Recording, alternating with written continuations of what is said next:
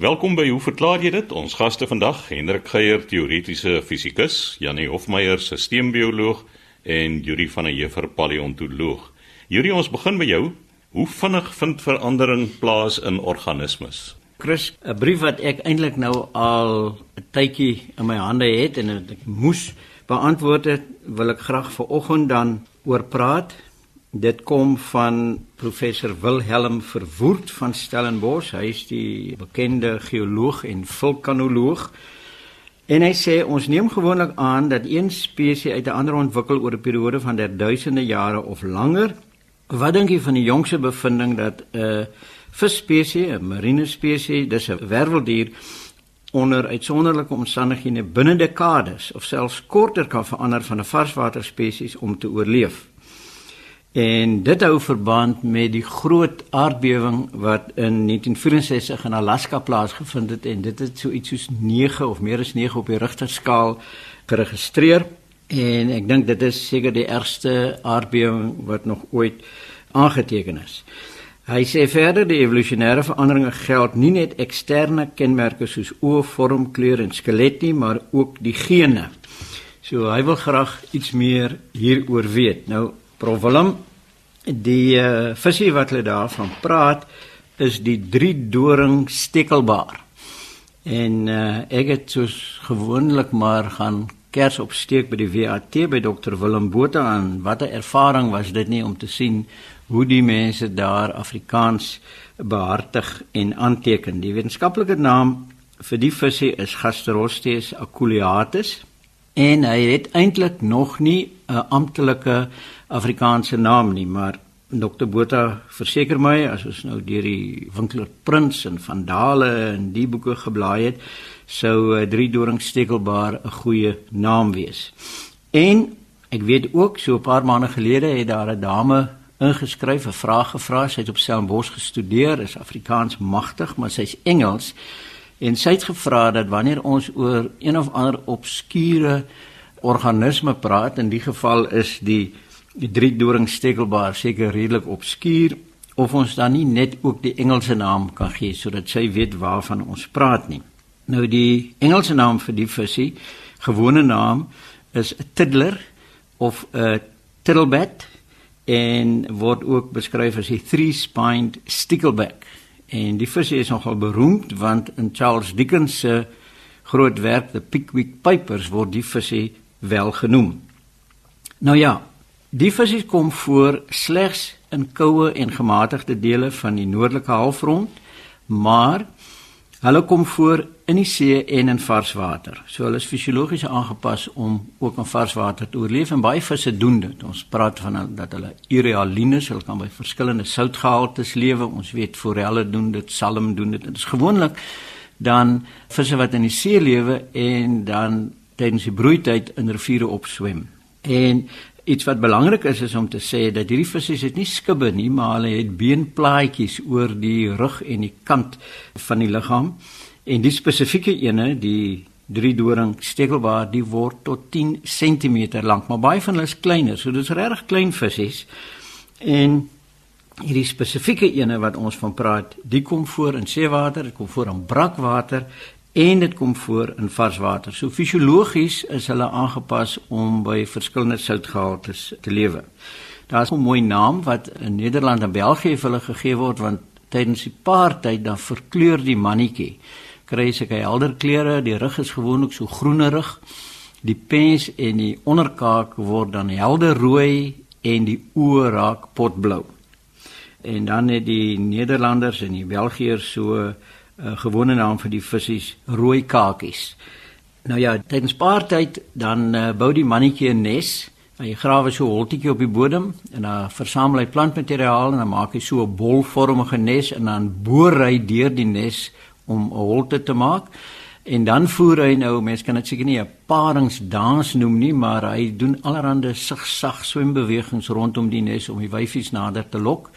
En dan lok hy haar tot in die nes waar sy dan so 50 tot 500 eiers lê. En as sy klaar gelê dan jaag hy haar weg. En by geleentheid sal hy meer as een wyfie lok en dan wanneer almal nou weggejaag is dan bewaak hy die nes Deur sy bewegings van sy vinne en swembewegings sorg hy dat daar water oor die eiers vloei en wanneer die eiers nou amper moet uitbroei, dit wil sê wat die embriootjies nou al bietjie groter is en suurstof behoeftes raak meer dan maak hy druk hy gate selfs in die nes om die watervloei te verbeter. En dan wanneer die klein visse uitbroei, sal hy nog so 'n tydjie nadat hy die eiers bewaak het, dan uh, bewaak hy ook nog die klein visse vir so 'n tydjie voordat hulle nou hulle eie weg gaan.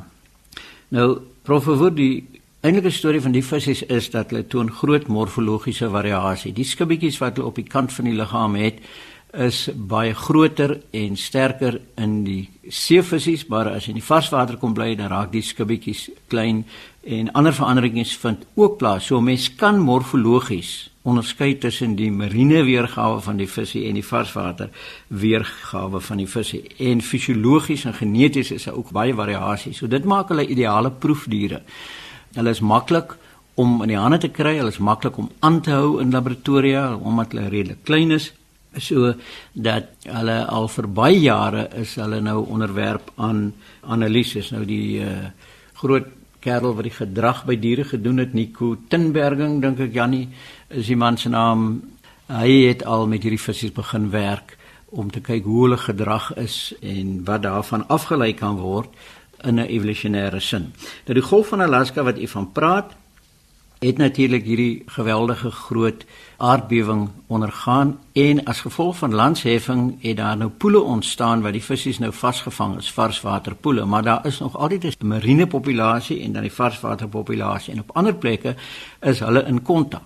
So wat hierdie navorsings uh, mense nou bepaal het hieroor is dat daar 'n gedurende vorm van genevloei is tussen die varswater en die seewaterpopulasie. So jy het 'n soort van 'n megapopulasie waar daar baie genetiese variasie in plaasvind en die feit dat hulle in kontak is maak dat die kan 'n mens praat van Jannie van die genoom is plasties. Miskien. Ja. Ja, dat daar baie variasie in die genoom vasgelê is en dit beteken dat indien daar iets gebeur ekologies in die natuur soos hierdie groot aardbewing dan is die visse gereed om te kan aanpas want hulle kan. Ek het 'n vriend, 'n onderwyser in die Kaap, 'n geweldige lang man en as hy nou 'n lesing of 'n ding gee, dan begin hy altyd heel bo op die bord skryf waar niemand anderser kan bykom nie en dan sê gewoonlik ek skryf daar want ek kan. So die visse verander want hulle kan, hulle het die meganisme, so daar's 'n groot pool van genetiese variasie en dit is nou iets wat na die Alaska aardbewing in plek gekom het en die visse is dan in staat om geneties te reageer en te oorleef. En dit gebeur oor 'n relatiewe kort tydperk in die geval plus minus 50 generasies of uh, eh, 50 jaar. Maar hulle het addisionele data gekry. Daar is ook in die genetiese samestelling gesien dat hulle hierdie veranderings kan terugtrek na omtrent 13000 jaar gelede toe met die smelting van die ys met die stygings van die seevlak en die terugtrek van die gletsers het daar 'n soortgelyke isolering van die visse plaasgevind. En die genetiese data toon dat dit ook oor 'n relatiewe kort tydperk gebeur het. Dit het nie duisende jare geneem om plaas te vind nie. En daarom, en dis 'n hipotese wat hulle voorstel, dis nog nie 'n teorie nie. Eh, hulle het dieselfde ding nou gesien, wel nou in die afgelope 50 jaar na die groot Alaska aardbewing en dit noop hulle nou om te sê maar hulle dink dat wanneer so 'n verandering plaasvind, wanneer so 'n akute ding plaasvind in die natuur en daar vind nou 'n aanpassing plaas as gevolg van die feit dat die visse kan aanpas, dan lyk dit of dit oor 'n relatiewe kort tydperk gebeur en dan stabiliseer die populasie. So dit lyk asof dit 13000 jaar gelede gebeur het en nou weer in hierdie situasie ook en dit laat mense onwillekeurig dink aan die voorstel wat twee paleontoloë destyds gedoen het. Dink dit was amper hier in die 70er jare Stephen Gould en Niles Eldridge. Hulle het weer na paleontologiese populasies gekyk, veral van invertebrate en toe het hulle dieselfde gevolgtrekking gemaak dat wanneer veranderings plaasvind, wanneer die omgewing verander en populasies reageer daarop, dan lyk dit in hulle geval of dit geologies redelik vinnig plaasvind en dan stabiliseer die populasie wat hulle genoop het om dan hierdie verskynsel wat hulle beskryf het gepunktueerde equilibria te noem. Nou ek het by professor Rufus Gous destyds uitgevind en hy het gereken dis 'n ons mag die naam in Afrikaans gebruik sodat die populasie streef na 'n uh, gelykmatigheid, 'n equilibrium, maar dit gebeur op gegeewe tye, dis gepunktueer. So ek wil nou nie 'n direkte lyn trek tussen die paleontologie en die neontologie hier nie, maar die hipotese van die mense is dus dat wanneer daar genoeg genetiese variasie is, dan lyk dit asof populasies oor 'n relatiewe kort tydperk kan aanpas en dan te stabiliseer. So sê Juri van der Heever, ons paleontoloog. Nou Jannie, jy het die vraag ontvang, hoekom kry party mense kouer as ander? Nou ek onthou uit my kinderdae het dit gereeld gebeur dat jong seuns se ma's hulle sê, "Gaan trek vir jou 'n trui aan." Ja, kus die koue van die winter het ons nou natuurlik in volle vaart getref hierso in die Kaap ten minste. Sommige van ons voel dit asof ons hande en voete soos ysblokke nou hulle self gedra en veral vroue natuurlik klaar dat hulle koud voel. Dis deels die gevolg van fisiologie en groot vatbaarheid vir kondisies wat koue veroorsaak en ek, ek kan sê dat ek kry elke aand so 'n paar koue voete waarmee ek in die bed te kampe het. En uh, ek moet sê, ek wens dit was anders. Dis so die vraag kom van Edie Smit af. Sy het eintlik vir ons twee vrae gevra. Die een is wat ek nou gaan beantwoord is hoekom kry party mense dan kouer as ander? Die ander een sal ek in 'n volgende program behandel. Dit is natuurlik 'n baie komplekse situasie want daar is baie faktore wat die liggaamstemperatuur van 'n mens bepaal. So die verskillende mate wat hoe mense koue aanvoel kan dus deur 'n hele aantal faktore veroorsaak word en dit maak dit nou moeilik. Een van die samebindende aspekte is egter hoe hierdie faktore mense metabooliese tempo beïnvloed. En hoe stadiger jou metabolisme is, hoe minder hitte genereer dit want jou interne hitte word gegenereer deur metabolisme. So as 'n faktor die metabooliese tempo sou verlaag, dan sou dit beslis 'n moontlike effek op die liggaamstemperatuur hê. So ek gaan maar so deur van hierdie faktore werk en ook probeer wys hoe hulle met mekaar in verband staan een redelik voor die hand liggende faktor is natuurlik jou liggaamsmassa. As jy te maar is, beteken dit gewoonlik jy het ook te min vet wat as 'n insulasie kan dien. En natuurlik wat er ook gebeur is dat as mense te maar is, dan is dit waarskynlik omdat hulle te min eet en dit vertraag ook mense metabolisme. So die twee faktore werk dan saam. So dis een van die belangrike dinge as mens so 'n klein bietjie van 'n 'n laagie het wat jou insuleer dan is dit natuurlik goed vir die liggaamstemperatuur. Dan is daar 'n klompie van meer kom ons sê biochemiese meganismes. Een van hulle is die tiroïedklier wat 'n hormoon afskei met die naam van tiroksien. En tiroksien is 'n baie belangrike bepaler van hoe vinnig mens se metabolisme gebeur. So te min tiroksien, dit veroorsaak stadige metabolisme. Vir alles mens ouer word. Ek is onlangs mens doen wat nou die toets elke jaar en toe kom ons agter byvoorbeeld my tiroïed klier is nie baie aktief op die oomblik nie, so dan moet mens 'n aanvulling neem om die vlak van tiroksien in die bloed dan op te stoot en dit sorg dat mens nie te stadig metaboliseer nie. Yster is 'n belangrike faktor, so dit is iets wat beslis 'n effek op die liggaamstemperatuur kan hê. As jy lae ystervlakke het, dan kan mens maklik kroniese koue ervaar. Yster is natuurlik deel van die proteïen hemoglobien in die bloed wat suurstof vervoer. Lae ystervlakke dra by tot swak sirkulasie en swak verspreiding dus van hitte in die liggaam. Die een ander belangrike faktor wat selfs soort van effek het is Vitamiin B12. Die beïnvloed ook bloedsomloop en as mens anemies is ten opsigte van Vitamiin B12 dan het dit 'n effek. Lae ystervlakke is ook gekoppel aan swak tiroïedfunksie. So hierdie faktore werk almal op 'n manier saam om die metabooliese tempo te verlaag. So oor die algemene swak sirkulasie, dis 'n probleem. En daar's baie siekte toestande wat spesifiek met swak sirkulasie te doen het. Een van die wat gereeld genoem word is 'n toestand bekend as Raynaud se siekte. Waar die koue veroorsaak dat die are in jou hande en jou voete vernou en so dan die bloedvloei na jou ekstremiteite verminder en dan die temperatuur van jou tone in jou hande lekker koud laat voel. Maar dit is iets wat medies behandel kan word. Dan is genoeg slaap ook 'n belangrike faktor want genoeg slaap sorg dat jou hypothalamus goed funksioneer. So hypothalamus is een van die areas in jou brein wat spesifiek te doen het met die regulering van liggaamstemperatuur. En as jy te min slaap, dan gooi dit die brein se meganisme om liggaamstemperatuur te beheer bietjie uit rad uit en weer eens dan het dit 'n effek op die metabolisme. Maar ons weet nie eintlik presies hoe hierdie spesifieke faktor werk nie. Ons weet net as mense nie genoeg slaap nie, dan ervaar hulle koue meer as ander mense. Dan natuurlik is dehydrasie 'n belangrike faktor. Nou, ons bestaan ons liggame ten minste 60% bestaan uit water. En water, soos ons weet, het 'n baie hoë hittekapasiteit wat beteken dat dit kan hitte absorbeer sonder dat die temperatuur veel verander. So dit kan 'n belangrike buffer wees vir hitte. As jy genoegsaam gehidreer is, dan word die geabsorbeerde hitte stadig deur water vrygestel en help om die liggaamstemperatuur te stabiliseer. So 'n soort van 'n temperatuurbuffer. So dehydrasie kan met ander woorde bydra tot skommelinge in liggaamstemperatuur. En dan die laaste faktor wat ek kon opspoor is spiermassa. Spiermetabolisme is een van die groot faktore wat bydra tot instandhouding van liggaamstemperatuur want daar word heelwat hitte geproduseer veral as jy aktief is.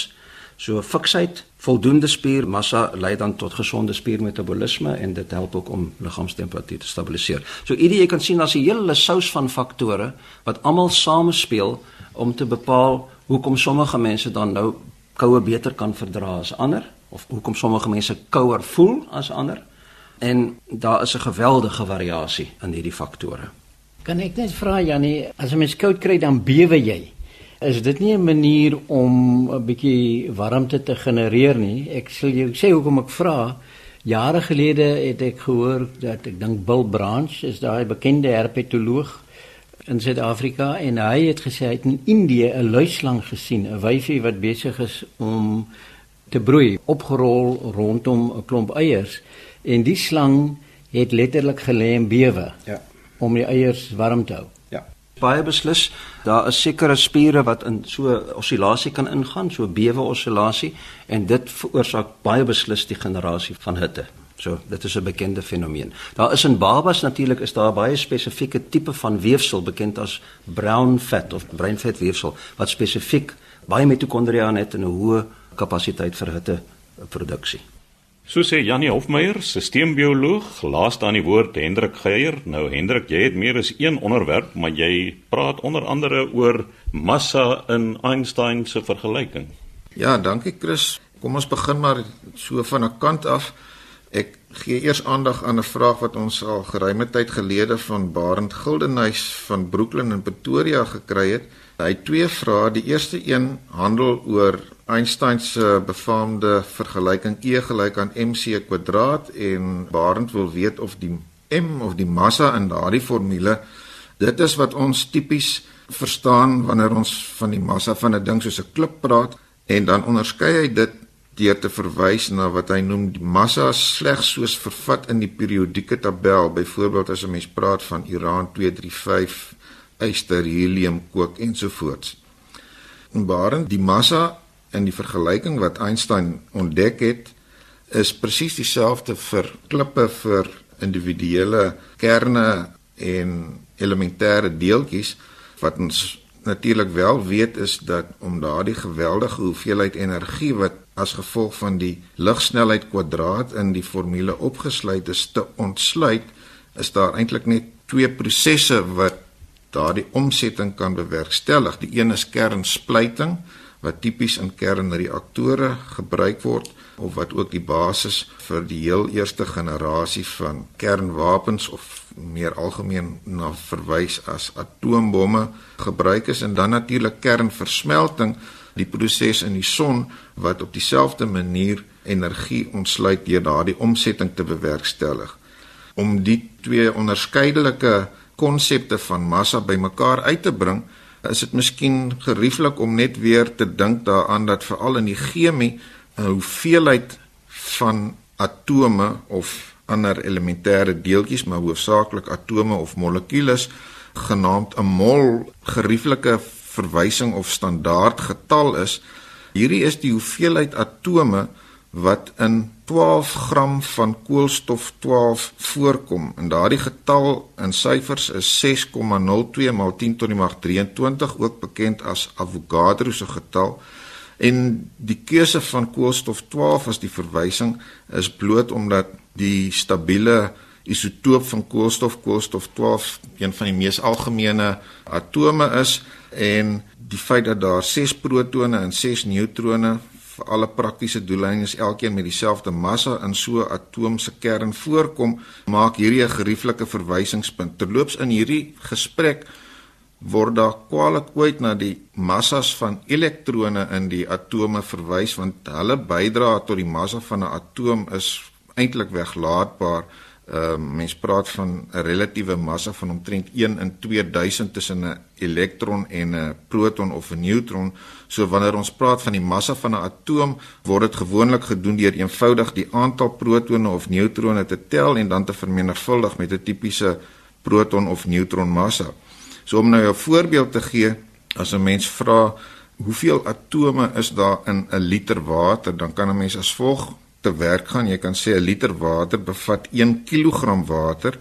Terselfdertyd weet ons dat 'n watermolekuul se massa word gegee deur eenvoudig 18 protonmassas bymekaar te tel. Dit wil sê 2 vir elk van die waterstofkerne en dan 8 elk neutrone en protone in die suurstofatoom. So wat 'n mens kan sê is 1 mol water se massa is dan 18 gram en dus kan 'n mens bereken dat 1 kg water omtrent 55 en 'n half mol watermolekules bevat. Dit wil sê 3,35 maal 10 tot die mag 25. So kortom, daar is 'n gerieflike manier om die massa van individuele kerne of atome uitgedruk in terme van die aantal protone en neutrone wat so 'n kern of 'n atoom bevat te koppel aan die totale massa van enige hoeveelheid stof wat my net weer terugbring by die punt dat daar is nie 'n onderskeid wat te tref is tussen die massa van elementêre atome en kleiner deeltjies en die massa wat ons in alledaagse konsepte gebruik nie. Nou die tweede vraag Chris wat Barend hier aan die orde stel, uh, sou mense 'n miljoen dollar vraag kon noem of in plaaslike konteks as 'n mens nou die nuusberigte lees en daardie inligting vertolk sou mens seker kon praat van 'n triljoen rand vraag. Naamlik hy sê wat sou die effek wees van 'n aardbewing of 'n tsunami op Suid-Afrika se voorgestelde kernkragstasies? Hoe voorbereid is ons op nog 'n Fukushima en sal Suid-Afrikaanse universiteite in staat wees om voldoende ek neem aan hy bedoel seker groot genoeg aantal goed gekwalifiseerde kernfisici op te lei om hierdie reaktors te beman. Nou uh Barend ek is bevrees niemand het op hierdie stadium die inligting om hierdie vraag vir jou volledig te antwoord nie. Wat 'n mens uit die nuusberigte hieroor lees is maar karig presies wat die tydskaal is wanneer ons groter duidelikheid oor hierdie program gaan kry is self ook onduidelik. Wat ek kan sê is dat daar steeds goeie opleidingsprogramme in kernfisika aan Suid-Afrikaanse universiteite bestaan. Hier op Stellenbosch byvoorbeeld is kernfisika een van die sterk navorsingsrigtinge.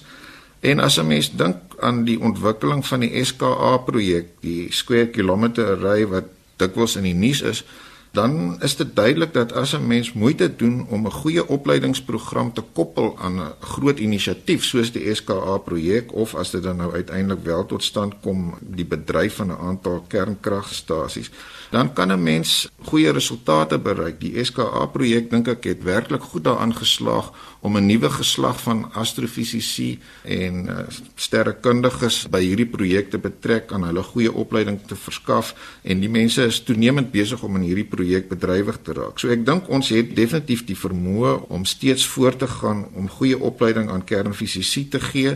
Die projek hier by Itemba laboratorium hier in in die Wes-Kaap is steeds goed op dreef en daardie mense word opgelei in universiteitsprogramme. So ek dink die groot vraag is eintlik op watter skaal hierdie projek uiteindelik aangepak gaan word om spesifiek te reageer oor jou vraag oor hoe voorbereid ons is op iets soos Fukushima. Wel gelukkig is Suid-Afrika nie bekend daarvoor dat ons op van die groot foutlyne wat met aardbewings geassosieer word sit nie.